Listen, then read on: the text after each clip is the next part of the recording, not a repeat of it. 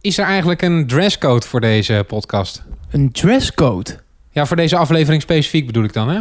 Oeh, weet ik niet. Ik ben bang als die er was dat ik me er niet aan heb gehouden. Nee, jij hebt een blauw shirt aan. Ja. Kom je Jij- nog, wel, jij kom je nog nog- wel mee weg, toch? ja, dat is waar. Dit is wel ongeveer het blauw waar we het zeker over gaan hebben. Je hebt wel beter bekeken. Ik heb een soort, eh, ja, zo'n Pirovano Ronaldo shirt heb ik aan. Zwart met eh, een, de originele Ronaldo, de echte Ronaldo die bij PSV heeft gespeeld. Ja, met zijn arm het in is de ook lucht. eh, uit zijn, uit zijn PSV-tijd met het PSV-shirt aan. We gaan het heel veel over shirtjes hebben in deze aflevering. Ja, een uur lang wel zelfs. Ik heb daar heel veel zin in. Ik ook. Wij, wij houden allebei heel erg van shirtjes. Dat ga je ook in de podcast wel zeker horen. Ja, en eh, we willen in deze serie podcast, in dit eh, nieuwe seizoen, willen we sowieso meer de diepte in. Hè? Dus je gaat ook veel gasten voorbij horen komen. En in deze eerste aflevering van seizoen 4 van de PSV-podcast gaan wij eh, spreken met het shirtjesopperhoofd van PSV. Want we gaan hem ja, het shirt van het lijf vragen over hoe die tenues tot stand komen. Wat de wensen van spelers en supporters zijn. wat er al op de plank ligt. Ja, en voor mij was dat helemaal nieuw. Hoe lang ze bezig zijn met zo'n lijn. Want je denkt misschien, nou, hij gaat nu beginnen aan komend seizoen. Dat is niet zo. Het is een werk, hè? Ja, In seizoen 4, aflevering 1, gaan we het volledig hebben over shirtjes. Ik vind hem helemaal geweldig. Ja? en met name het uitshirt, hè, lichtblauw. Ik dacht, ik ga hem gelijk de eerste dag kopen. Hij moet mee op vakantie.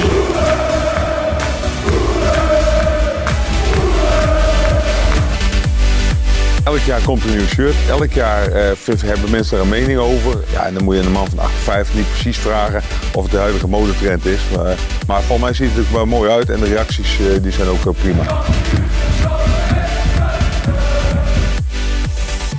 En met ook in dit seizoen natuurlijk weer van de partij Mark Versteden. ja en Yannick Eeling. En tegenover ons, en dat is bijzonder, Arne van Breugel. Al 17 jaar manager merchandising en licensing bij PSV.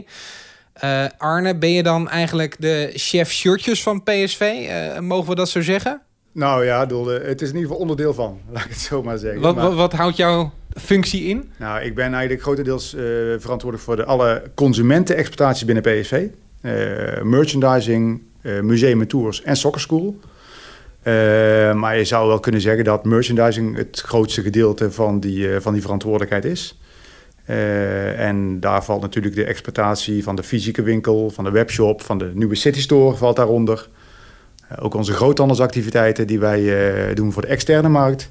En daar hangt natuurlijk ook het hele productontwikkelingsproces onder, waarvan dan die shirtjes een onderdeel zijn. Is dat het, le- het, het leukste deel? Wij, wij vinden dat het leukste deel. Maar is dat voor jou ook het leukste deel? Nee, dat is natuurlijk fantastisch. Dat is hetgeen wat, eh, wat ieder jaar het meest zichtbaar terugkomt. Eh, het is, het is eh groots. Iedereen heeft het erover. Het zijn ook grote campagnes. Voor PSV is het ieder jaar ook weer de grootste marketingcampagne van het jaar. Het is de grootste cash cow, als je het zo wil noemen ook, denk ik. Het is Na een, ticketverkoop. Het is een, het is een grote cash cow. Zeker als je het vergelijkt met, eh, met andere consumentenexploitaties.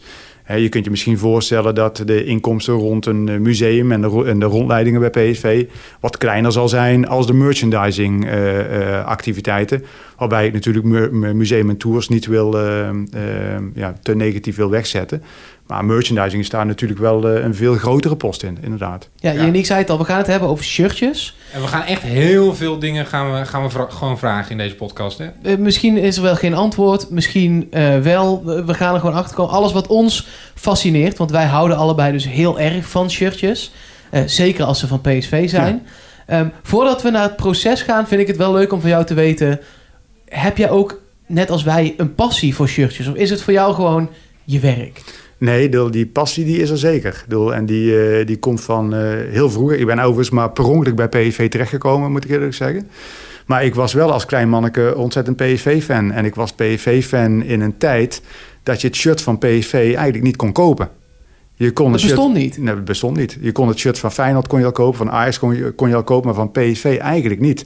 In de tijd dat... eh, en wel- wel- welke tijd is dat? dat is de tijd, ik noem maar eventjes plat gezegd, van, eh, van Ruud Gullit. Ik weet niet jullie of dat shirt herkennen. Het, eh, het rode shirt met die witte balk. Ja, Ja. zeker. Ja, die, eh, dat was een shirt van Adidas. Alleen dat was van Adidas niet te verkrijgen. Eh, er was een een of ander, ja, ik noem maar even een submerk. Die bracht een soort gelijk shirt op de markt. Maar dat was geen Adidas shirt. Eh, op enig moment kon je een standaard shirt van Adidas kopen. Eh, en daar kon je dan Philips op laten drukken. Eh, en dat was het. Dus En dat het- moest dan voor een PSV-shirt doorgaan. en dat was dan het PSV-shirt, want het PSV-shirt was gewoon niet verkrijgbaar Oh, op dat moment. Dus, dus eh, het gaat bij mij ook al een hele tijd terug. En ehm, eh, nou, ik, ben, ik ben wel heel blij dat, dat, dat ik onderdeel kan uitmaken eh, van, van dit hele proces. Eh, en als ik het vergelijk met vroeger, is er veel veranderd. Ja, dat, dat, dat kan ik me voorstellen. Eh, eh, Op een gegeven moment rol jij dan binnen bij, bij PSV. Ja. Eh, ben je dan al gelijk verantwoordelijk voor het maken van die shirts? Of hoe is dat gegaan? In de rol als verantwoordelijke voor merchandising wel, ja. ja. Ehm, eh, dat was in de tijd dat Nike nog de kledingpartner was bij, bij PSV. Dus dat was ook weer een tijdje terug. Eh, toen was ook de hele distributie rond die shirts totaal anders ge- georganiseerd dan dat dat eh, nu is. Eh, ook de commerciali- eh, commercialiteit rondom die shirts was toen nog, toen nog totaal anders. Dus we hebben daar ook wel serieuze groei in door kunnen maken. Ehm, maar ja, inderdaad, vanaf het begin van was ik daar mede verantwoordelijk voor. Laat ik ook niet te veel op mezelf betrekken. Als jij een top 3 zou moeten maken van jouw, jouw favoriete PSV-shirtjes tot aan nu. Welke zijn dat dan? Ehm, dan is het, als ik het heb over een uitshirt, eh, was ik erg blij en tevreden met het, eh, het zwarte shirt met de Brabantse blokken. Ja, die heeft ook eh, awards binnengesleept. Die toch? heeft het eh, in een recente peiling bij, bij VI was het volgens mij ook, eh, ook heel erg goed gedaan. Van Dus jouw hand? Die was van mijn hand. Mooi. Ehm, ik was eh, erg blij met het eh, resultaat van de shirts rondom het jubileum van PSV. Natuurlijk, ja, hoe trots kun je zijn als jij mede de hand mag leggen aan de jubileumshirts van, van de club PSV. Even rood en, eh, even blauw. En de blauwe, ja. En ook hè, met, met de, de gouden crest eromheen, hè, met de lau, eh, laurierbladeren. Ja, dat was wel echt heel mooi. Het was heel chic. We hadden ze ook nog eens een keer in een, in een luxe giftbox beschikbaar. We hadden ze ook nog als een authentic beschikbaar. Dus dat was ook wel een serieuze mooie kroon op het werk. Ehm, en als ik kijk, en dat is natuurlijk wel super recent... eh, als ik kijk van hetgeen wat wij nu hebben neergezet met, eh, met Puma... de laatste drie shirts...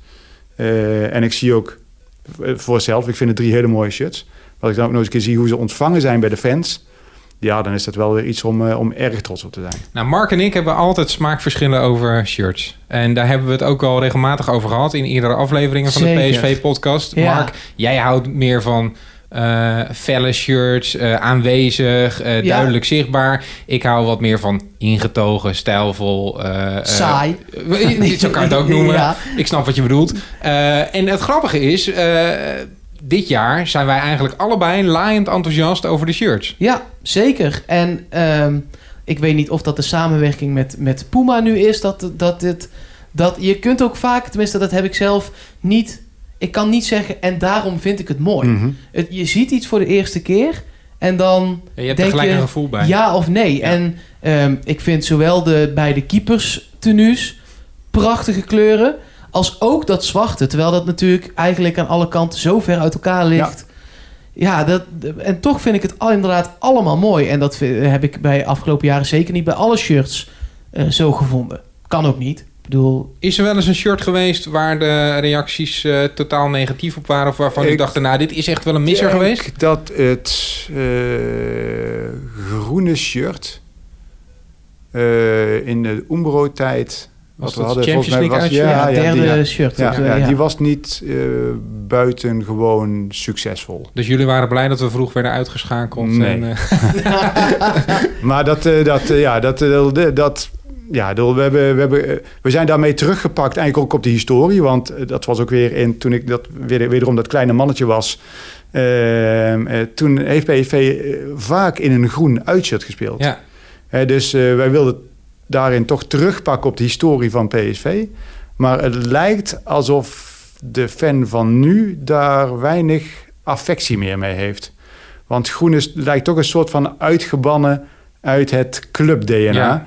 Ehm, eh, dus ja, en dat, dat ook wel echt eh, ge- gericht daarop. We hebben natuurlijk nog wel een keer vaker een eh, groenig shirt gehad, maar dat was wel een hele andere groen tint.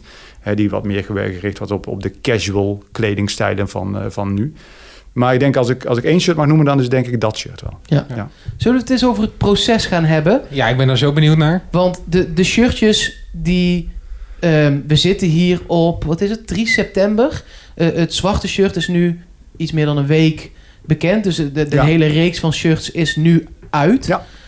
Wanneer kwamen daar de eerste schetsen van? En ik weet niet of je... Je hebt je laptop bij. Ik weet niet of je daar iets van mag en kan laten zien. Hoe zoiets gaat. Of het in ieder geval kunt omschrijven. Dit proces eh, voor dit seizoen eh, is een uitzonderlijk proces geweest, omdat je overgaat naar een nieuwe kledingpartner. En wanneer ben je daar helemaal in uitonderhandeld? Eh, nou, dat, dat heeft altijd wel wat tijd nodig. Dus eigenlijk gedurende de onderhandelingen, als je gevoel hebt met elkaar van oké, we gaan er wel komen, dan gaat parallel aan eigenlijk zo'n traject lopen. Eh, maar dat heeft deze keer een kortere tijdspanne gehad als normaal. Hoe lang heeft het nu geduurd? Nou, eh, voor jou, ik denk dat we dit eh, van tekentafel tot eh in-store... heeft dat denk ik ongeveer een jaartje met zich meegebracht. En dat is dus kort. ja, dat is dus dat kort. is kort, ja.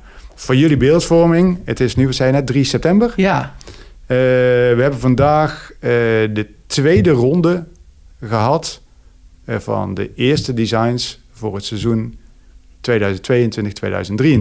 dat is niet eens volgend seizoen. Dat is allemaal al klaar. Oké, Dus de shirts voor, voor volgend jaar, die heeft Arno al helemaal in zijn hoofd. Ja. Nou, en in zijn laptop vertel. staan. Ja, Ja, dat snap ik. Vertel. Eh, ik ben inderdaad heel erg benieuwd hoe die volgend jaar gaan vallen bij de fans. Maar ja, zo zie je zo'n kunnen pro- wel een indicatie Mooi geven, hoor. antwoord, ja. Nee, maar die, die, die, die processen, dat, het heeft natuurlijk allemaal ook te maken met uiteindelijk productie. Ehm, eh, Puma in dit geval eh, produceert niet alleen maar voetbalshirtjes voor PSV. Zij produceren ook shirts voor Manchester City, voor AC Milan, Olympique Marseille, et cetera.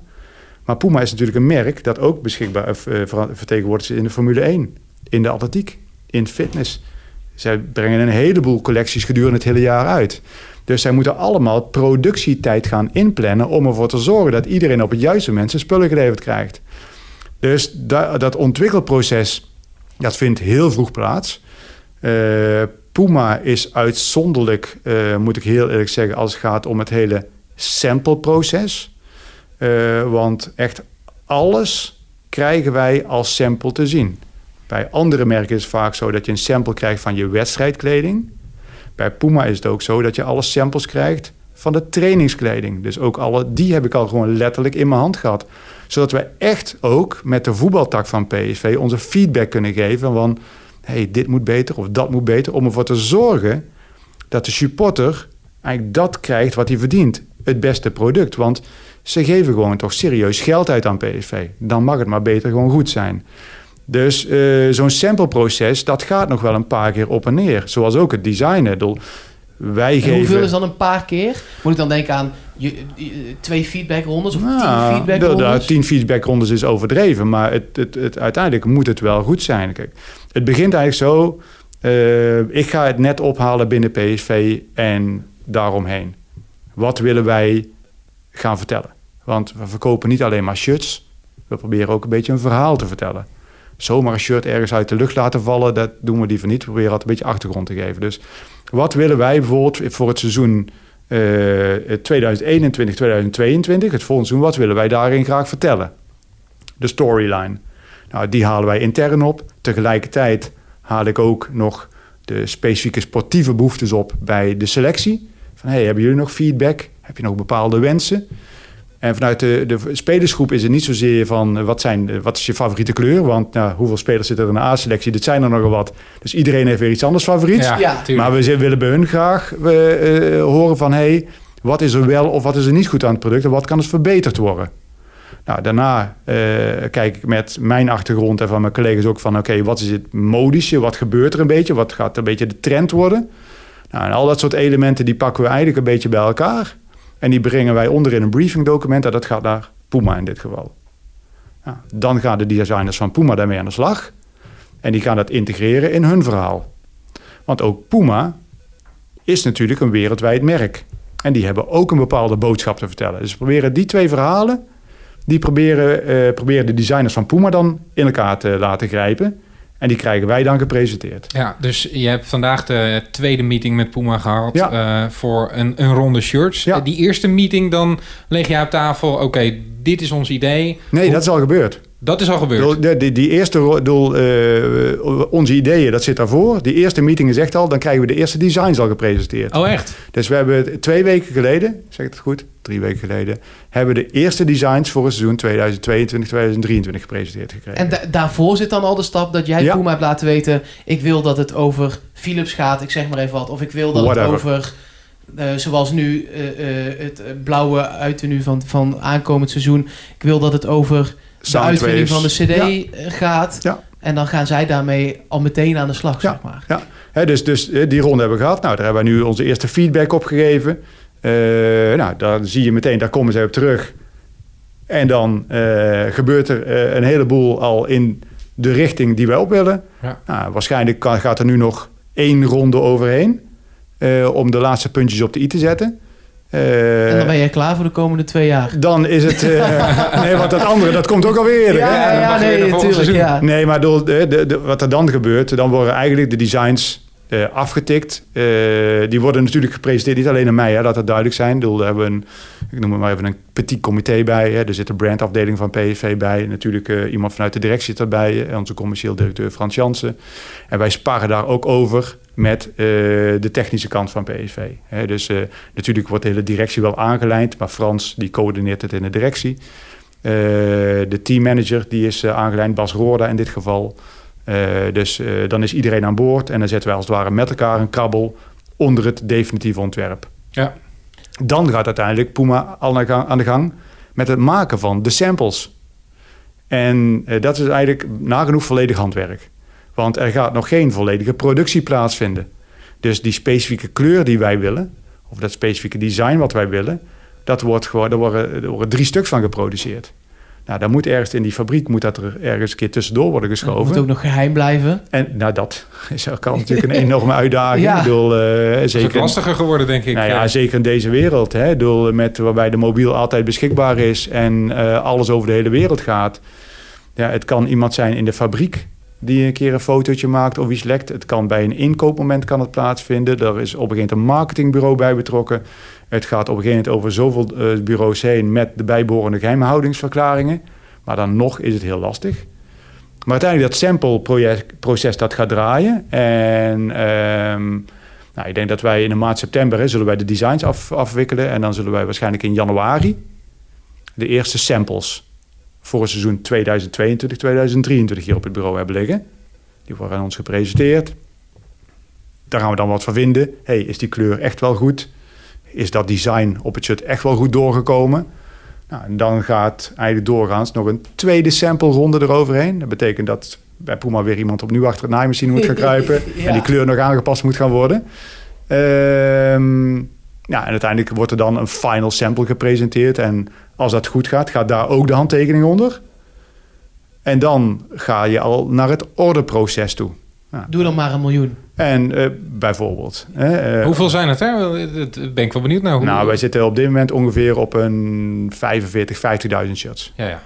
Ja, en is dat eh, per shirt of met dit seizoen de drie nee, dat shirts? is met, met de drie shirts bij elkaar. Is- Ja. Ik vind dat best Ja. wel veel. Ja. Ja, ja, dat is ook wel echt serieus gegroeid de afgelopen jaren.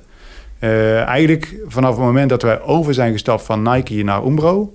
heeft die groei opvallende wijze plaatsgevonden.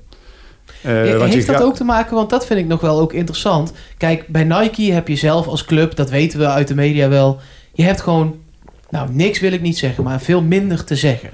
Bij Umbro had je volledige zeggenschap, bij Puma zal het er ergens tussenin zitten.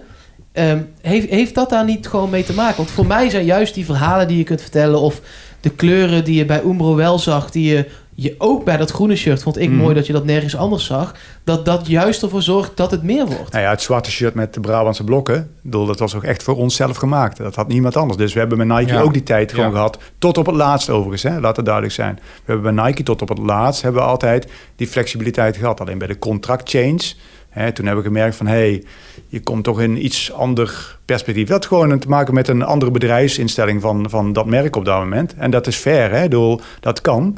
Maar dat past dan niet meer bij de club. Eh, want voor PSV is het heel belangrijk om je eigen identiteit eh, vast te houden. Eh, maar wat we Umbro dus hadden, is dat wij, wij konden er een derde tenue aan toevoegen. En we konden eigenlijk ook per, per tenue een soort van aangeleide trainingscollectie ontwikkelen. Dus er was veel meer diversiteit aan product. Niet alleen in de wedstrijd, maar ook in die trainingskleding. En daar heeft echt serieuze groei plaatsgevonden. We hebben met Umbro ook altijd dat maatwerk kunnen maken. Altijd exclusieve designs voor PSV. Eh, eh, per tenue eigenlijk bijna een soort van trainingscollectie. Dat is, heeft groei met zich meegebracht. Eh, en met, met Puma zetten we eigenlijk diezelfde lijn door. Hè. We hebben drie fantastische tenues, ook trainingscollecties... die daar mooi weer op aansluiten. Ehm, ik denk dat voetbalshirts gewoon ook een commerciële product zijn geworden. Voorheen ging je naar de sportschool en had eigenlijk niemand een voetbalshirt aan. Nou ja, ga nu de sportschool in en hoeveel jongens zie je wel niet in een sportshirt, een voetbalshirt rondlopen? Ben jij van de, van de trainingstenues? Nee, ik ga meestal wel voor het wedstrijdshirt. Eh, en ja, dan, dan, dan voel ik me nog net iets meer verbonden met de club, moet ik zeggen. Maar ik zie het wel veel. Ja, dat, ik, ik ben wel van die trainingstenues. En dat komt omdat ze iets, eh, iets casualer zijn. Zeker, eh, nou niet dat oranje en ook niet dat rode, Hmm. dat is nog steeds wel. Maar wat eh Schmid en zijn, en zijn assistenten dit jaar aan hebben, dat zwart met Ja. grijs, zeg maar. Ja, die heb ik gehaald. Dat Terwijl jij zo van de fluorkleuren bent eigenlijk, hè? Ja, maar ik vond dat zo classy. Ja. Ja, Ja, tof is dat. hè? ja dat was echt tof. Maar dan Ja. druipt er ook niet zo heel erg af dat het gelijk een voetbalshirt is. Want ik kan me ook voorstellen, en ik merk dat zelf ook wel eens... het is niet op elke plek dan om een, eh, in een voetbalshirt te lopen. Maar ja, dit, dit gaat dan sneller. Ja, gaan we het straks ook nog wel heel even over hebben. Want PSV heeft natuurlijk ook die 1913-lijn. Ja. Eh, ik ben ook zelf ook fan van Borussia Dortmund in, in Duitsland. Die heeft ook zo'n lijn Hm. waarbij als je het weet, dan weet je het. Ja. En als je het niet weet, dan weet je het niet. Maar eh, toch wel nog heel even over die wedstrijdshirts. Wie mag er de laatste klap op geven? Zeker nu, want ehm, je wil aan je shirt zijn verhaal meegeven. Ja. Maar het keepershirt is ook het keepershirt van Manchester City op dit moment. Ja, nou, keepershirts, dat is de algemeenheid, hè. Ehm, die zijn eigenlijk nooit tailor-made.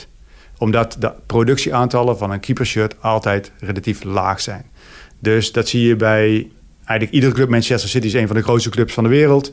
Ehm, ehm, maar die, zij moeten in hetzelfde shirt keeper als onze keepers. Hè? Laten we dus een keer omdraaien. Ja, nee, Zij moeten in hetzelfde Ja. Ja. doel, hè? Ja. Dus laat dat even duidelijk zijn. Maar dat heeft te maken met productiecapaciteit. Dat is bij Nike zo. Dat was bij Umbro overigens ook zo. Ja, keeper is er vaak maar Keep- één van de elf, hè? Alleen, het, Ja. het, wij, ja, dit jaar echt extreem. Wij hebben onze eh, tweede reorder van de keepershirts al moeten plaatsen. Ik gebruik die roze alsof het gewoon het derde tenue Ja, van dat PSV is is. echt, echt absurd. Dat is echt absurd. Wat Waar daar komt dat dan door, denk je?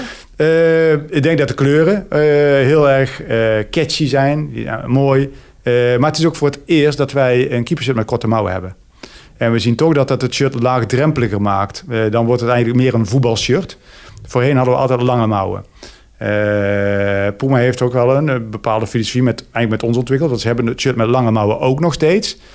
Maar eigenlijk proberen al die sportmerken ook te stimuleren dat je gewoon een technisch ondershirt hebt. Een technisch ondershirt zorgt er eigenlijk voor dat jij het beste kunt sporten. Dat het je warm houdt of je juist koel houdt. Eh, dus ook, en dat geldt zelf voor de keeper. Een keepershirt met lange mouwen, ja, dat is leuk. Maar eigenlijk hoort daar een shirt onder eh, wat, wat veel meer technisch is. Wat nog meer die, die, die warmte- en koelbalans voor jou reguleert. Zo'n Nou, ding dat een zijn we beetje de- lijkt op een thermoshirt. Ja, ja, dat is het eigenlijk. Ja. En dat is, eh, alleen die hebben dus in twee varianten. Een variant die je koel houdt als het heel warm is. En een variant die je warm houdt als het heel koud is. En eh, dat hebben onze keepers nu ook geabsorbeerd. Eh, sterker nog, Oenderstal die knipte vorig jaar in, in Umbro-tijd gewoon zijn, zijn mouwen af. Is dat zo, ja? Ja, want die had zoiets van, hey, joh, doel, ik ben stoere Duitser. Ah, goed dus, eh, verhaal. ja. ja, ja die, eh, maar dat was ook in zijn tijd bij VVV. Die keept eh, altijd de korte mouwen, maar die loopt als het min 10 is volgens mij ook nog eens een korte broek. Ja, ik wist wel dat hij altijd met korte mouwen keepte, maar ik wist Ja. niet dat hij zelf de schaar erin zette. Gewoon Ja. Ja. ja. nou, dat zal waarschijnlijk dan ook door een kleermaker voor hem gedaan zijn. Maar door- die zei wel van, eh, we zetten de schaar erin. Terwijl Jeroen Zoet gewoon met lange mouwen keept op dat moment. Maar nu is het gewoon, ook de keepers allemaal in, in korte mouw. En dan hebben ze er een longsleeve onder, en een technisch ondershirt. Dus ik denk dat dat wat doet. Eh, maar ja, het verhaal is over van, ja, het is nog steeds hetzelfde shirt als... eh, of Manchester City moet in dezelfde kleur eh, spelen. Dat is zo. Je krijgt gewoon een kleurenpalet. Daar staan een stuk of, nou, zes tot acht kleuren. En daar mag je dan uit kiezen. En wij hebben daar drie kleuren uitgekozen. En dat is het, uh, het roze shirt, het mintgroene shirt en het gele shirt. Dus voor ieders wat wils. Maar je hebt het ook nodig tegenwoordig, die hoeveelheid shirts. Omdat ook scheidsrechter tegenwoordig ook wat steeds kleurrijker over het veld gaat. Dus Wie heeft de eerste keus? Uh, nou, uiteindelijk heeft de scheidsrechter de final C, laat ik het maar zo zeggen. Uh, dus die bepaalt op het laatst altijd wat, wat er gaat gebeuren. dus wij, dus wij geven aan de voorkant onze wens op.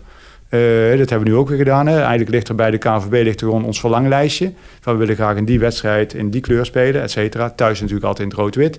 En in een uitwedstrijd een van de andere twee kleuren. Uh, maar de scheidsrechter die kan altijd nog bepalen van... oké, uh, ik wil dan toch dat PV niet in het blauw vandaag gaat spelen... maar in het zwart gaat spelen. Is er een soort eerste keepers nu?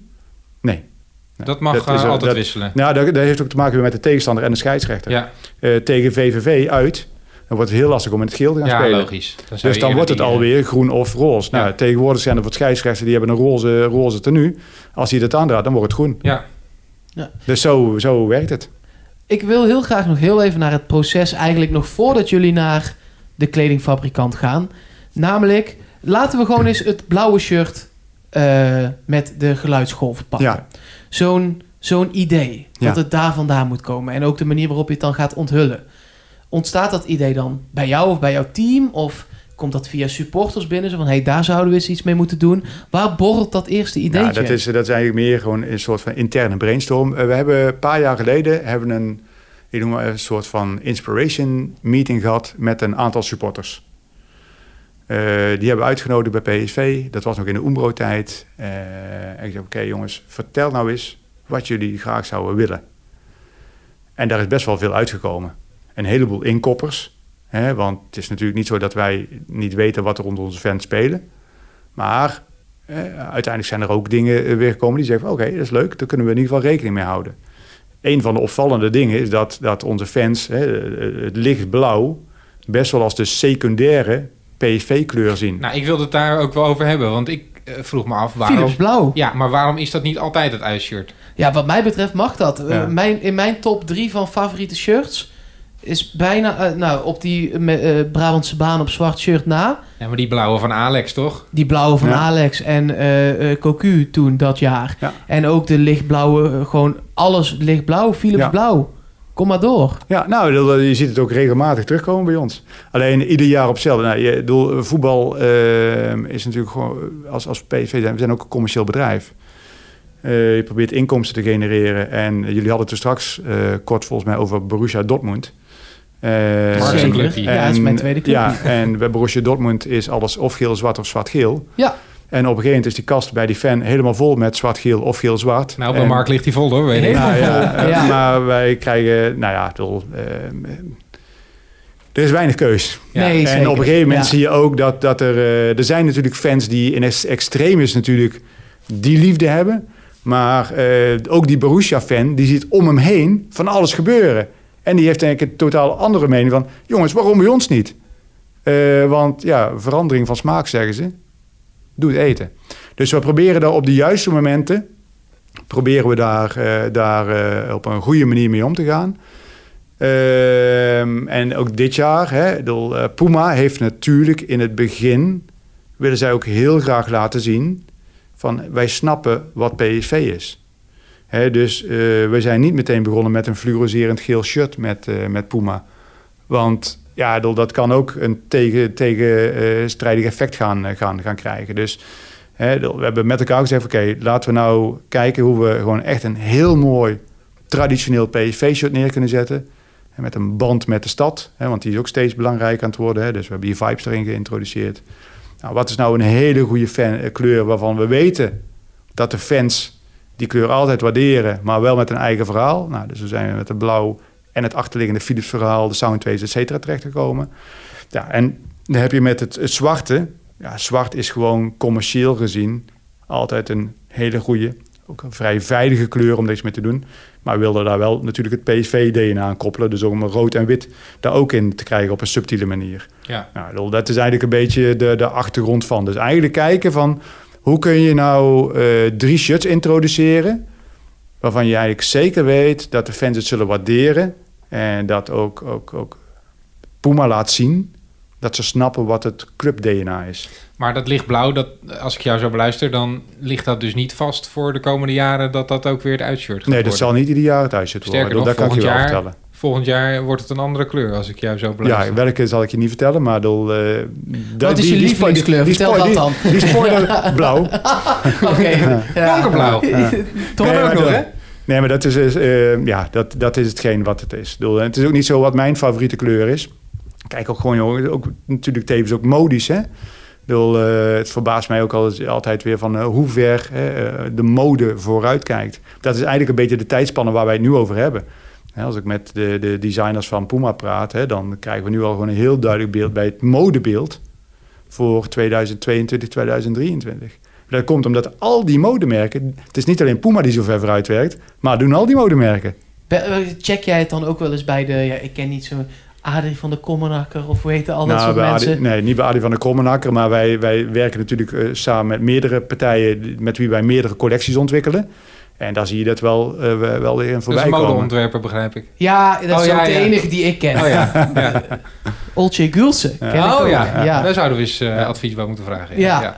Maar dan nog hè, blijft het uiteindelijk altijd weer smaak. Want eh, er worden in bepaalde eh modemomenten af en toe dingen geïntroduceerd... dat ik ook denk van, nou ja... Hoe vaak heb je al helemaal- tegen Puma moeten zeggen... Nou, ik denk dat dat in het nuchtere Brabant... eh, dat gaat hem niet worden. Eh, Nee. Ik weet niet of jij... Jij lijkt me niet iemand die zo even met zijn vuist op tafel slaat. Maar ik denk dat dat, is, dat soort gesprekken wel soms nodig is. Ja, zeker. Ik bedoel, eh, en we hebben in het verleden... regelmatig de designers terug naar de tekentafel moeten sturen. Dus Geef eens een voorbeeld. Ik bedoel, dat is nu toch al verleden tijd. Nou ja, de, de, de, als wij een briefing geven en die briefing die gaat linksaf... en er komen designs op tafel die eerder rechtsaf gaan... ja, dan zeggen we ook van ja, maar waarom geven wij nou jullie de briefing? Ja, maar kun je daar een, een, eh, een concreet voorbeeld geven... Wat, wat jullie hadden gezegd en waar zij mee terugkwamen? Dat Nou. jullie zeiden, nou, het moet eh, over de Philips Toren in Eindhoven gaan... en dat zij... Nou, het is eh, vaak meer de uitwerking dan. Hè, dat als we zeggen van eh, proberen Philips op een subtiele manier ergens in, in, in, in aan te brengen. Dat we bij spreken dan in één keer heel bold, heel grof wordt gedaan. Dan zeggen we ja, oké, maar nu ga je te ver. Hè, het moet op een subtiele manier. Hè, dus probeer eens eventjes het, eh, wat, wat downgraden. Het of stoelnummer van een Frits Nou ja, eh, dat stoelnummer van, van, van Frits Philips is misschien wel een heel mooi voorbeeld. Want eh, ik gaf er straks aan dat we die Inspiration Meeting hebben gehad. Dit is nu een ding wat daaruit naar voren is gekomen. Dus dat hebben we aan supporters te danken dat dat uiteindelijk op het Ja, shirt is nou ja, door de, niet, niet sec het idee van het stoeltje en het nummer. Maar eh, in die inspiration meeting kwam voorbij van de trots van meneer Frits en meneer Frits en nog een keer meneer Frits. En toen hadden we die van ja, daar moeten we wat mee doen. Dus toen zijn we met, met Umbro gaan zitten op dat moment van joh, wat kunnen we nou doen om een leuk stijlelement te doen? Nou, echt complimenten aan eh, de designer van Umbro op dat moment. Die is gewoon eh, de stad ingegaan. Die is het stadion door gaan lopen. Die is het museum ingegaan van ons. En die had zoiets van, joh, het stoeltje van meneer Frits Philips, eh, kan ik daar niet wel mee? Nou, en toen hebben we, hè, is, is het eh rij vak stoelnummer, D22, Ja. stoel 43. heeft zij eh, eh, bedacht. Ze heeft foto's ook gemaakt van het lettertype, wat gewoon letterlijk op de tribune stond. En dat heeft zij in dat stijlelementje weten te ontwikkelen. En dat is achterop gekomen. Ja. Dus de fans die geven als aan van joh, input, als input van hey, iets met meneer Frits zou kunnen. En dan gaat een designer van Umbro, die gaat op een soort ontdekkingstocht. En die komt dan met een aantal voorbeelden. Ja, dan is het eigenlijk dit geworden. En als ik dan zie hoe de fans erop reageren. Ja, dan is dat eigenlijk een compliment aan de hele keten. Want de fans komen ermee. Nou, wij nemen het serieus. En iemand van Umbro op dat moment, die weet het om te zetten... naar iets wat door de fans ook enorm gewaardeerd wordt.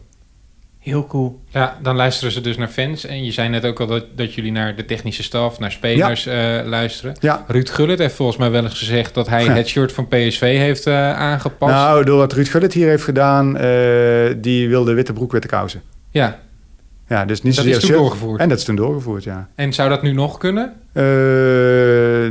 Dat denk ik niet, nee. nee. Bedoel, Wat er nu wel wordt, wordt gezien is, en dat, ja, dat, dat klinkt misschien cru, maar eh, eigenlijk eh, spelers en eigenlijk ook staf, dat zijn passanten. Eh, we hebben natuurlijk vorig jaar hebben wij nog heel veel zaken afgestemd met Mark van Bommel. Maar we hebben niet Mark van Bommel het tenue laten ontwikkelen. Nee. Nou, dat is misschien maar goed ook, want Mark van Bommel is nu weg. Ik, bedoel, ik vind het heel spijtig, maar ja, het is wel zo. Ik bedoel, in het verleden, dat is misschien nog wel een anekdote die, ik, ja, die kan ik denk ik wel vertellen. Is wij hebben hier een keer in een zilvergrijs shirt gespeeld. Ik weet niet of jullie dat nog kunnen herinneren. Met de zwarte dat mouwen? was ook nog in de tijd dat Alex hier speelde. Ja, ja, ja, dat, eh, uitshirt, Ja, ja. ja, ja, nee, zeker. En ehm, eh, niet om mezelf vrij te pleiten, maar daar was ik nog, toen was ik nog niet bij PSV werkzaam. dat was geen Eh, succes. hoor nou nee, dat was op zich prima shirt. eh, en en, en eh, ik weet niet precies wat daar de, de verkoopresultaten voor waren. Maar daar had eh, Erik Gerrits, die had daar een enorme voorliefde voor. Die, is- die was toen als trainer schijnbaar nog heel erg betrokken in het ontwikkelproces met, met, met eh, Nike toen de tijd. Alleen Erik Gerrits is op een gegeven moment eh, weggegaan bij, eh, bij PSV. Is eh, contact niet verlengd, opgezegd, wat dan ook. En toen kwam hier Guus Hiddink. En dat shirt werd geleverd. En Guus Hiddink zei maar... Wie heeft in godshemelsnaam toestemming gegeven op zo'n grijze muizenshirt? Wij zijn toch PSV? Wij moeten toch zichtbaar zijn? We moeten trots zijn? Dan ga je toch niet in het grijs voetballen? Nou, het was niet bedoeld als grijs, het was bedoeld als zilver. Maar eh, zo zie, dus toen had een trainer nog serieus invloed. Alleen die trainer die is weg op het moment dat er nieuwe komt. Daarom hebben we gezegd, het shirt wordt eh, eigenlijk eh, vrij rationeel ontwikkeld. Natuurlijk luisteren we naar iedereen. We kunnen alleen niet iedereen naar de zin brengen. Maar proberen eh, ervoor te zorgen dat het gewoon er goed staat. En we gaan niet mee met iedere passant. En nogmaals, dat, dat wil ik niet negatief laten klinken, maar eh, dat is natuurlijk wel zo. Hè? Ook uh, Roger Smit heeft hier nu een contract voor eh, de komende twee jaar. Dus het shirt wat jij aan het ontwikkelen bent, letterlijk voor 22, 23, waar je nu al voor in de ronde zit, Ja. zou zomaar kunnen dat hij dat al helemaal Dat, niet meer dat meemaakt. zou kunnen. Ik, bedoel, eh, ik hoop dat we heel succesvol gaan zijn met deze trainer en dat hij er nog heel lang is. Maar dat zou dus zomaar kunnen. Maar als we eh, nu zouden zeggen van... God, beste Roger Smit, van eh, ga eens tekenen en welke kleur moet Wat het is gaan jouw worden? lievelingskleur? Ja, bedoel, en die kleur is eh kanariegeel, om het zo maar te zeggen. Ja, moeten we dat dan willen? Dus het, wordt, het proces is veel rationeler en ik mag ook wel zeggen veel professioneler geworden door de jaren heen. Toen ik voor het eerst in dit proces kwam, eh, ja, toen, toen zaten er zoveel mensen in dat, in dat proces. Dat was werk niet te doen. Ik bedoel, dat, dat, dat ging van eh, eh, nou, de voorzitter op dat moment. De, de Harry Rij nog. Harry Rij nog. eh, eh, de, de, de technisch manager, de commercieel directeur. De hoofdtrainer, de keeperstrainer, eh, de teammanager. Werkelijk alles en iedereen. Maar dan krijg je zoveel persoonlijke meningen. Ja, dan gaat het niet meer werken. Wat we dus nu doen, we, we, we filteren aan de voorkant. Dus nog steeds mogen al die mensen, die mogen hun wensen aangeven. Alleen we proberen het wel tot een behapbaar eh, blokje te gaan presenteren aan, eh, aan de kledingpaner. Want anders worden die ook gillend gek. Durf jij nog te experimenteren? Want het is, het is blijkbaar dan zo'n proces geworden. Tuurlijk, er moet verkocht worden. Dat, Ja. dat snappen wij allemaal. Maar durf jij nog dingen te doen waarvan je misschien denkt... ja, oké, dit vind ik heel erg vet om te doen. Ik weet niet of het goed gaat verkopen. Ja. En dat je dan misschien een flater slaat. Dat durven wij nog steeds, En doe je dat dan met een derde shirt bijvoorbeeld? Want dan is het wel veilig. bijvoorbeeld. Ja. En hoe kijk jij dan naar andere clubs? Als je, ja, dat, dat voorbeeld, dat ligt bij mij in ieder geval bij dit soort dingen altijd op het puntje van mijn tong. Een koeienshirt zoals bij Feyenoord ziet, moet je dan een beetje lachen? Of Ja, dit ene, dat, dat, eh, dat, dat eh, ik wel namelijk. valt wat beter dan het andere, laat ik het zo zeggen. Ehm, dat, dat, dat shirt bij Feyenoord, dat was een, eh, volgens mij een warming-up shirt. Dat kwam uit, Ja. de, eh, gewoon uit, de, uit de catalogus bij, bij Adidas vandaan. Dus dat was geen tailor-made shirt van, van Feyenoord. Voor Feyenoord, laat ik het zo zeggen. Ehm, natuurlijk kijken wij naar anderen. Ehm, met gewoon de interesse van, god, zijn er weer gave dingen gemaakt? Ehm, je hebt ook het voorrecht in deze functie... dat je natuurlijk ook best wel veel in een vroegtijdige stadia... af en toe iets ziet van een ander. Ik, eh, vorig jaar in, eh, rond deze tijd, in september, waren wij bij Puma. En eh, dat was op hun global meeting. En zag ik onder andere de shirts van Manchester City... Met onder andere toen al dat paisley design wat ze recentelijk hebben geïntroduceerd. Ja, dan denk ik wel voor, dat, ja, ik vind het wel vet. Ik bedoel, die hebben echt een lef om iets heel anders te gaan doen. Je weet dat fans daarop gaan reageren. Ehm, Maar je geeft er ook wel weer een statement eh, mee af. En je ziet toch ook vaak dan, hè, als er heel veel over een shirt wordt gesproken... en dan is vaak eh, de positief en negatief... dan is het vaak wel een succesvol shirt. Ja, jullie ik, eh, meten dat zelf dus ook. Eh, eh, jullie jullie Nou, kijken zelf ook sentiment, naar... ja. Sentiment. Bedoel, eh, we hebben recentelijk dan drie introducties gehad. En dat is het voordeel natuurlijk van, eh, van social media en alles wat je tegenwoordig voor het kunt meten. Wij kunnen letterlijk het sentiment meten van hoe is er gereageerd op onze tenues. En ehm, natuurlijk kunnen wij dat, de- deden we dat tien jaar geleden niet, want toen waren die technieken er niet. Maar sinds dat we dat kunnen, eh, ja, is dit, dit jaar echt bij far het meest positieve wat we ooit hebben meegemaakt. En hoe moeten we dat dan inschalen? By far het meest positieve. Nou, Kun je dat dan ergens aan meten? ook, Nou ja, of? dat, dat alle, alle reacties, positieve rea de, de positieve reacties, dat was bijna op, eh, nou, volgens mij tussen de 95 en de 97 procent. Dus dat was eh, echt heel veel. Dat is Eh, echt voor een kledingstuk, want dat is het hè. Zeker. Echt Ja. bizar. Ja. ja. En, en kun je dat dan ook afzetten tegen andere shirts? Nou ja, dus vanaf het moment dat je meet. Hè, doel, kijk, uiteindelijk zijn die Niet technieken... eens van PSV, maar gewoon in. in Nee, nee, nee, sorry. Dan Europa kijk echt, of- eh, doel, dat, dat zou Puma dan wel kunnen. Dus Puma die kan natuurlijk, die gaan ons niet alle informatie geven van eh, Borussia Dortmund en van, eh, van AC Milan. Maar zij kunnen dat wel meten en eh, zij delen met ons natuurlijk onze cijfers. Maar zij geven ook wel aan van, hé, dit is wel echt extreem en dit hebben we nog niet veel eerder meegemaakt. Nee, dus, Dus, wat dat betreft eh, wordt er ook wel naar PSV gekeken bij die andere clubs. Nou ja, doel, wat, wat natuurlijk ook wel heel tof is om te zien, is dat een, eh, een, eh, we hebben natuurlijk drie introductiecampagnes neergezet. En dat eh, Sport Next, een, een gerenommeerd sportmarketing magazine, heeft de introduciecampagnes van het afgelopen jaar beoordeeld. En PSV staat met twee van de campagnes in de top 10. Ehm, Europees gezien. Ah, dat dat Maar geeft dat ook wel wat over aan. alle clubs? Dat gaat over alle clubs heen. Ja. Barcelona. Ja, allemaal. Juventus, allemaal. En dat zit er met name ook gewoon de, de manier waarop en de innovativiteit en, en hè, hoe zijn de shirts in de qua verhaal binnengebracht. Ja, dat zijn ook wel mooie dingen. Ik bedoel, eh, het is niet zo dat eh, een willekeurige journalist dan maar even iets bedenkt.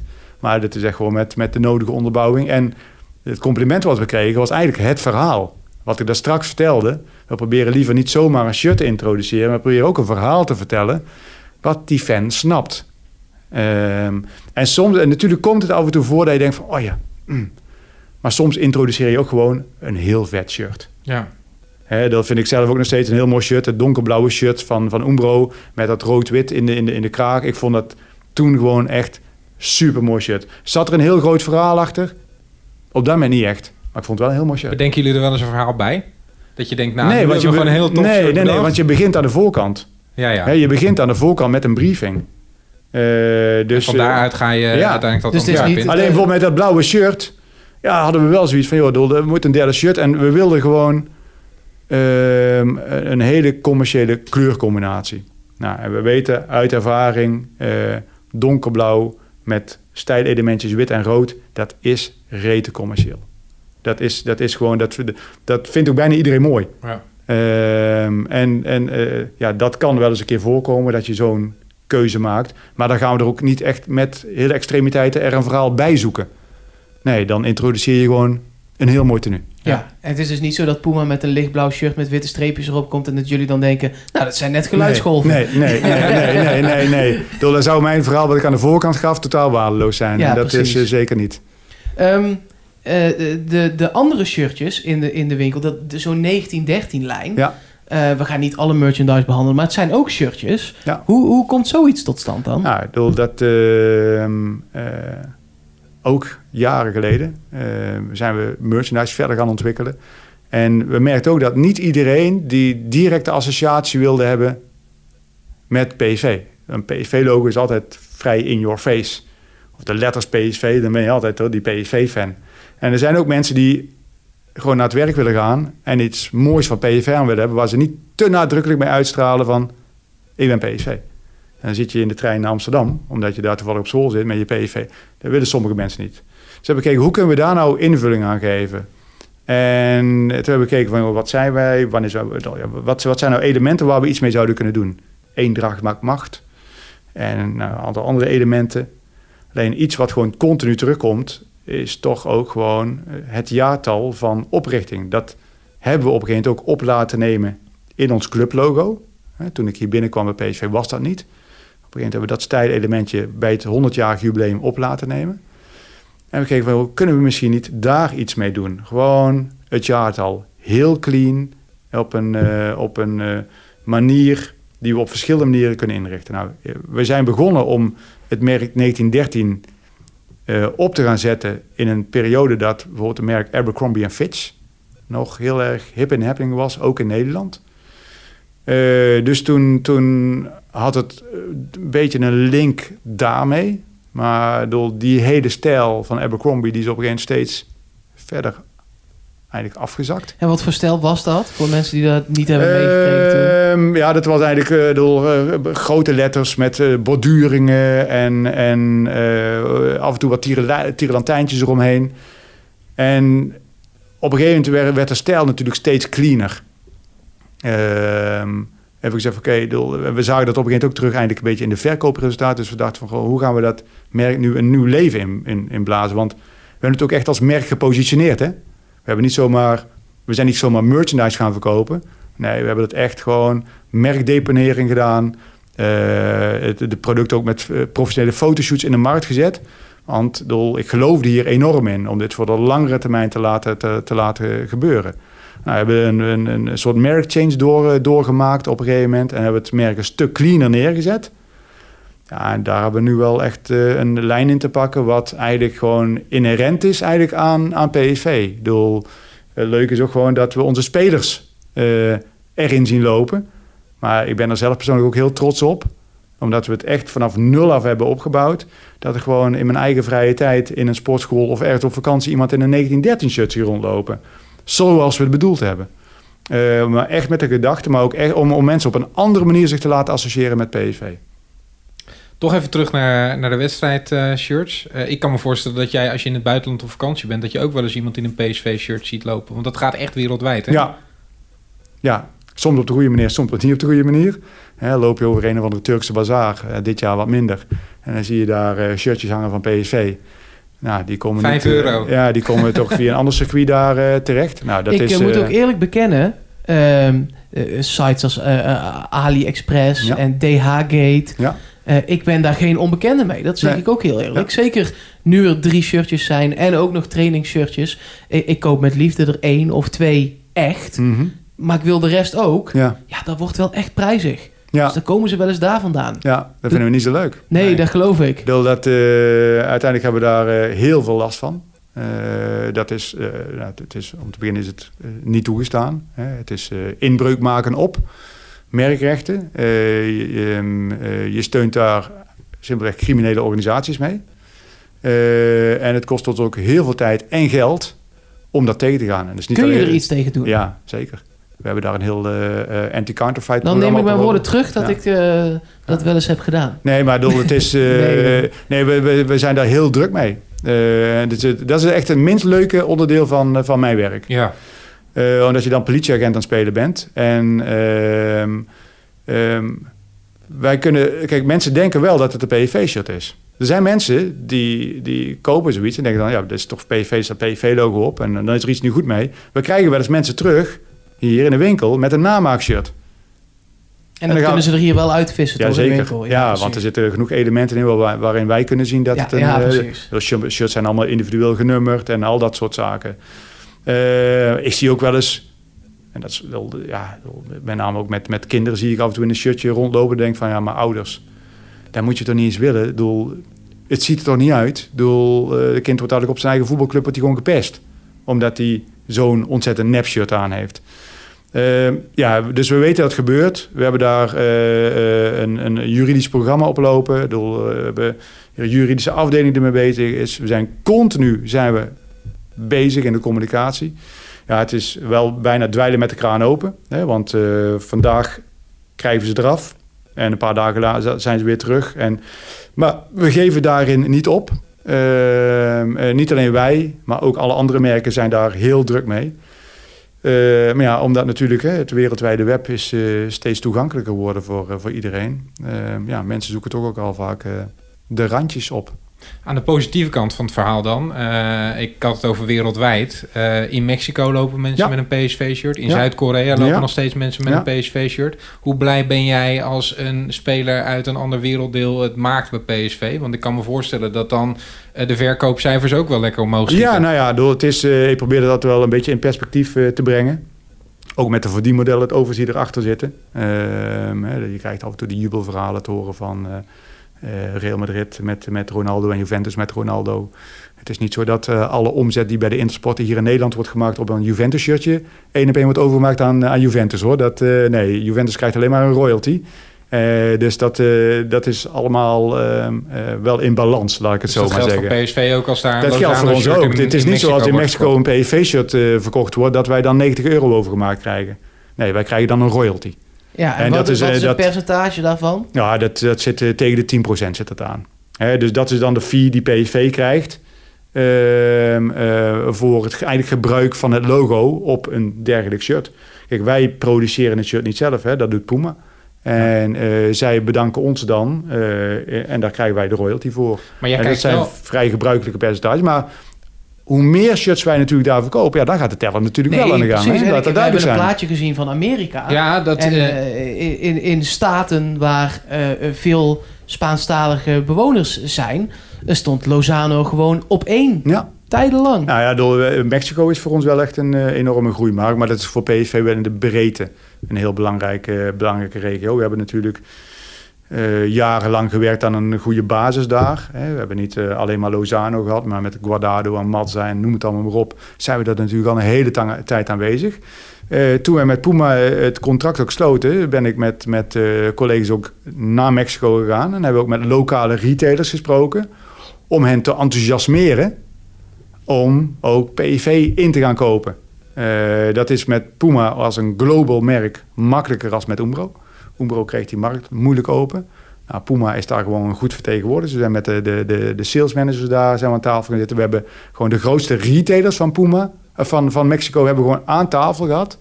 En hen het PSV-verhaal verteld en de achtergrond verteld. En nou, uiteindelijk hebben we dat ook teruggezien in de orders die uiteindelijk daar geplaatst zijn. Eh, van, bedoel, er worden er serieus aantallen PSV-shirts verkocht.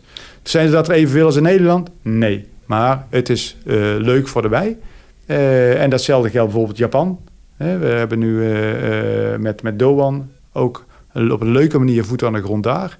En er zijn een aantal, twee, tweetal Japanse grote retailers, want daar is het allemaal vrij georganiseerd, die bij ons continu de naamblokken bijbestellen van Doan en de rugnummers bijbestellen, omdat zij daar onze shirts aan het verkopen zijn. Heb jij daar ook gesprekken over met John de Jong bij de aankoop van spelers? Dat het shirt technisch wel interessant kan zijn om iemand te halen? Nou, ik denk dat John de Jong daar, eh, die kijkt eerst naar de kwaliteit op het veld. En daarna pas eh, misschien een keer ergens op het derde plan naar de commercialiteit. Maar wij weten natuurlijk bij PSV wel waar we mee aan de gang zijn. Wij weten ook waar John de Jong graag scout. En, en, en eh, we proberen daar natuurlijk vanuit commercie wel op aan te haken. Maar ehm, als wij de focus hebben op Mexico, maar wij zouden in een keer een enorme topvoetballer uit Venezuela kunnen gaan halen. Dan denk ik dat John de Jong alsnog gewoon die jongen uit Venezuela op gaat halen. Ja. Ik bedoel, eh, want uiteindelijk is de voetbalkwaliteit die altijd, eh, die altijd voorop moet staan natuurlijk. Zie je nu dan ook een piek in Duitsland? Ik bedoel, Puma komt er vandaan, de trainer komt er vandaan. Nee, nee, dat, kan ik niet, dat kan ik niet zeggen. Ik dat is ook allemaal natuurlijk vrij recent. Eh, het feit dat de trainer daar vandaan komt, was nog voordat eh, alle retailers in de hele wereld hun order in moesten geven op het PSV-shirt. Dan voor jullie beeldvorming, dat eh, momentum ligt altijd ergens tussen oktober en december. En we hebben Roger Smit hebben wij natuurlijk pas in de tweede helft van dit jaar gepresenteerd. Als ik jou zo hoor vertellen dat je in het, in het buitenland tussen aanhalingstekens maar een procent of tien, laat zeggen een tientje, overhoudt per shirt. Mhm. Loont het dan niet, en misschien is dat wel helemaal onmogelijk wat ik nu bedenk, om het gewoon helemaal zelf te gaan doen? Mhm. Dat betekent dat je ook alle distributie zelf moet gaan doen. Ja, En alles erop en eraan. Eh betekent ook dat je alle financieringsrisico's moet gaan nemen. Nou, er zijn een aantal clubs die hebben dat ooit een keer geprobeerd. Hè, met het merk Club eh, in Nederland. Eh, het dat gaat bij mij helemaal geen belletje Nee, en dat kun je nagaan. Zegt Ja. genoeg, denk ik. Dat was, Ja, een, eh, ja. dat was een, eh, op een gegeven moment een klein consortiumpje. Eh er waren een aantal clubs in Nederland bij aangesloten. Want die dachten van, nou, dat gaat het worden. Daar gaan we heel veel geld verdienen. Die dachten wat ik dacht. Dat, was, eh, eh, Ja. dat waren eh, volgens mij even, eh, FC Groningen en NAC en Rode. Er waren een aantal clubs die hebben dat gedaan. Eh, ja, die hebben geen van allen meer een, een dergelijk contract. Eh, omdat het toch arbeidsintensief is. Eh, je moet het allemaal goed geregeld hebben. Eh, en je bent maar een kleine speler. Er zijn ehm, namelijk weinig fabrieken in de wereld waar het logo van het merk op staat. En dan wil ik maar zeggen dat ehm, Nike, van spreken, de kleding in sommige gevallen in dezelfde fabriek inkoopt als waar Puma hem inkoopt en Adidas. En als jij daar als kleine mini-merkje tussendoor moet komen, eh dan sta je altijd achteraan. Want eh, niemand gaat de productielijnen stopletten de, zetten dan voor een, eh, een PV-clubmerk. Terwijl het tegelijkertijd een order van eh, eh, 200.000 shirts voor Adidas kan draaien. Dus daar zitten enorme risico's zitten daaraan vast. Ehm, en, maar dat is normaal heel veel praten met mensen, je eigen ervaring daarin opdoen. En dan denken we, oké, daar moeten we vooral niet aan Nee, beginnen. nee, Wat wij wel hebben gedaan, omdat natuurlijk eh, eh, wij, wij, wij leven maar in Nederland, relatief klein land, waarbij eh, het internet heel goed geregeld is. We hebben gezegd, oké, ehm, wij willen als club zijn graag een verhaal vertellen eh, over onze shirts. Er is niemand die dat verhaal beter kan vertellen als wij. Om, om ervoor te zorgen dat we het verhaal op de juiste manier over de bühne brengen, zijn de shirts ook alleen maar in Nederland verkrijgbaar via PSV. Eh, we hebben onze fanstore hier in het stadion. We hebben de City Store in Eindhoven en we hebben onze webshop. Eh, en onze webshop heeft een dusdanige eh, fulfillment kwaliteit, om het zo maar te zeggen. Dat mensen ook heel makkelijk en laagdrempelig hun shirt toegestuurd kunnen krijgen. Snel, et cetera. Ehm, eh, dat, is, dat is wel een verandering. Hè? Dus in Nederland... Geen intersports meer. nee. Geen...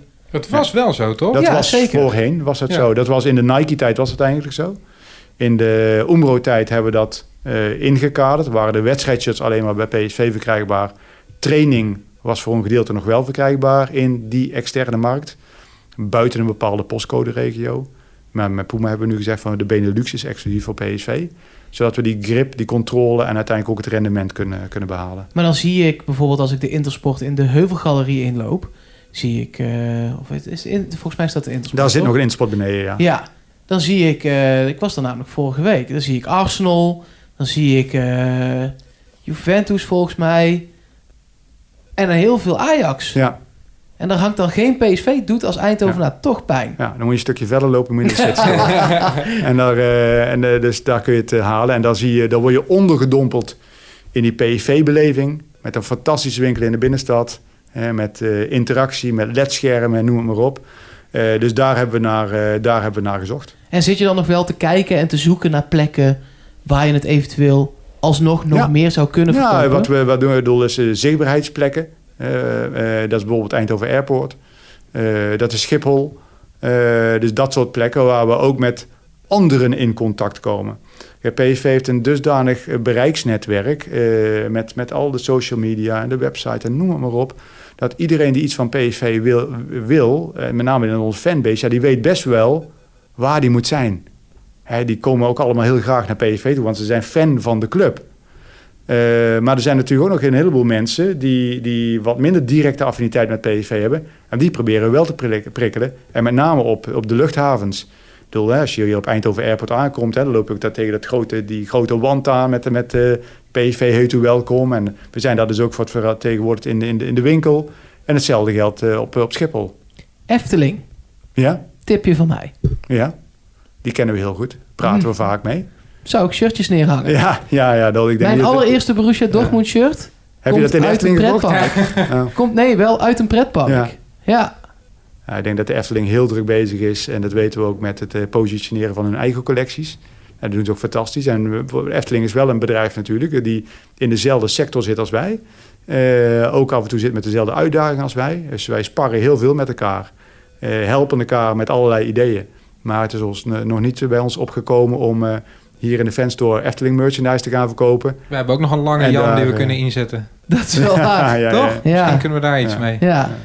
Arne, het gaat volgens mij ook heel vaak als je het over shirts hebt. En dat zal jij ongetwijfeld heel vaak ook eh, voorbij horen komen over de prijs van, eh, van Mhm. de shirts. Dat is altijd wel een thema.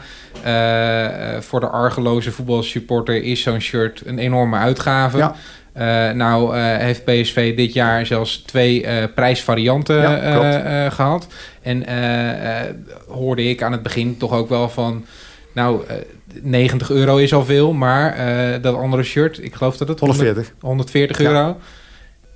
Dat, dat geef je toch niet uit aan Ja. een shirt. Eh, eh, waarom zou je dat doen? Kun je uitleggen waar die prijs door bepaald wordt? Ehm, ja, dat kan ik. Een authentic jersey, hè, dat shirt wat dat de spelers dit, op dit moment dragen. Dat is die 140. hè? Dat, is 140. een echte wedstrijdshirt. Dat is, eh, ja, dat is echt een wedstrijdshirt. Dat wordt in een veel lagere oplage geproduceerd dan, eh, ik noem maar even de replica. Eh, dat betekent dat hè, die, die kostprijsverhouding die ligt natuurlijk daarmee een stuk anders. En ehm, daar zijn ook, dat shirt is ook echt technisch qua productie een heel ander proces. Andere materialen om het performance-wise voor de spelers zo goed, eh, zo sterk en zo licht mogelijk te maken. Dus het is een ander materiaal. Dat is een ander materiaal, dat is, heeft een andere pasvorm, dat heeft andere elementen in zich om, eh, als je aan het performen bent, om eigenlijk gewoon sneller en beter te kunnen zijn. Hè. Er zitten elementen in die, die nog meer jouw lichaam warm houdt als het warm moet zijn en koel eh, eh, maakt als het, als het heel warm is. Ja, het is echt een, het is echt een ander shirt. En ehm, natuurlijk hè, zien wij ook die prijs. Hè? En, en het is ook niet dat wij die prijs bepalen. Nou ja, uiteindelijk wel natuurlijk, hè, want wij vragen het ervoor. Wij, wij zouden het, eh, Puma zou het niet zeggen, als wij tegen kostprijs zouden willen verkopen, kan het natuurlijk ook. Alleen, Maakt ja, er zijn, niks uit. wij zijn natuurlijk een commerciële organisatie. En het enige wat wij doen, is wel proberen marktconform te zijn. Eh, en dat is ook wel hetgene wat wij natuurlijk iedere keer terugleggen richting zo'n kledingsponsor. Want eh, wij zijn natuurlijk ook niet helemaal gek. We zien het ook gebeuren. Bedoel, volgens mij de Authentic bij Nike zijn ze al 150 euro. Eh, ja, de- de- het, het ontwikkelt zich maar. Eh, we verplichten ook niemand, dat dat ook duidelijk zijn. Hè. We bieden het aan. Eh mag ook duidelijk zijn dat er natuurlijk minder mensen zo'n shirt van 140 euro kopen... als de replica's kopen. Eh, Waar dan een geborduurd logo op zit. nou, ja, maar sterk, dat, dat, de- het logo bijvoorbeeld is wel een hele mooie. Hè? De- als voorbeeld. Er, er- er zijn mensen die reageren ons... Ja, een shirt van 140 euro en er zit maar een sticker op. Zeggen ze dan zo, zo plat. Ja. Ja. Nou, ja, die sticker, dat is een transfer.